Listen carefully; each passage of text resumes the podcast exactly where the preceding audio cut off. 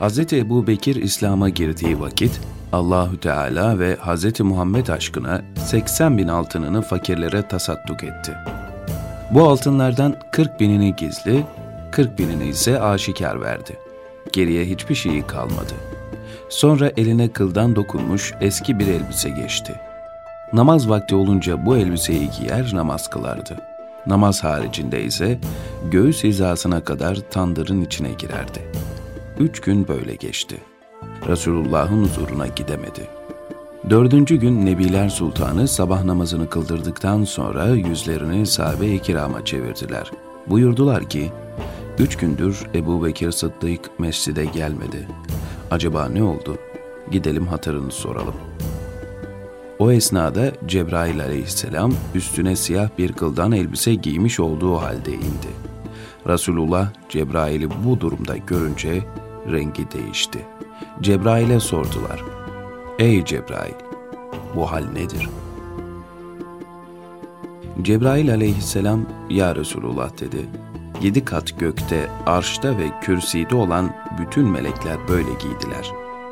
Resulullah işin aslını sorunca Cebrail aleyhisselam, Ya Resulullah, Hz. Ebu Bekir Allahü Teala'nın aşkına ve senin dinin uğruna 80 bin altın tasadduk etti. Şimdi giyecek elbisesi kalmadığı için mescide gelemedi. Namazları evinde kıldı. Hak Teala sana selam gönderdi ve Ebu Bekir'e elbise göndermeni emir buyurdu dedi. Nebiler Sultanı ashab-ı kirama dönerek, her kimin fazla giyeceği varsa Ebu Bekir'e versin ki, Hak Teala da ona sevaplar, yüksek dereceler ihsan etsin. Cennet-i Alâ'da benimle beraber köşkü olsun buyurdular. Ashab-ı kiramdan birisi bir hırka bulup Hazreti Ebu Bekir'e gönderdi.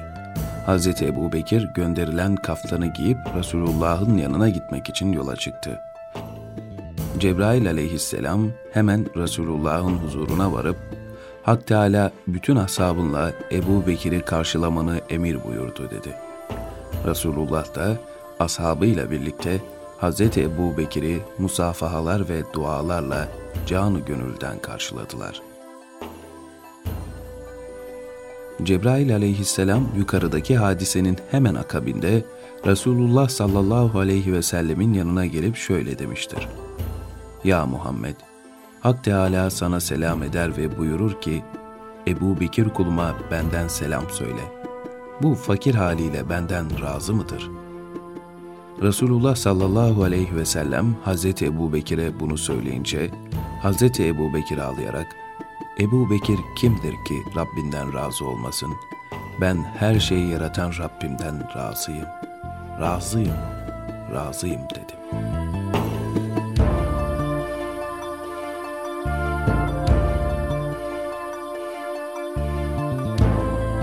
Bir gün Hz. Ebu Bekir ile Ebu Derda Hazretleri beraber yolda yürürken dar bir mevkiye geldiler.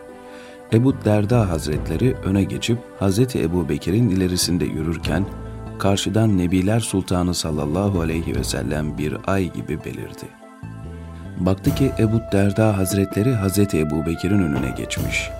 Kainatın efendisi Ebu Derda Hazretlerine hitaben, Ey Ebu Derda! Niçin Ebu Bekir'in önünde yürüyorsun? Onun senden faziletli olduğunu bilmez misin? Böyle yapmak edebe aykırı değil midir buyurdular.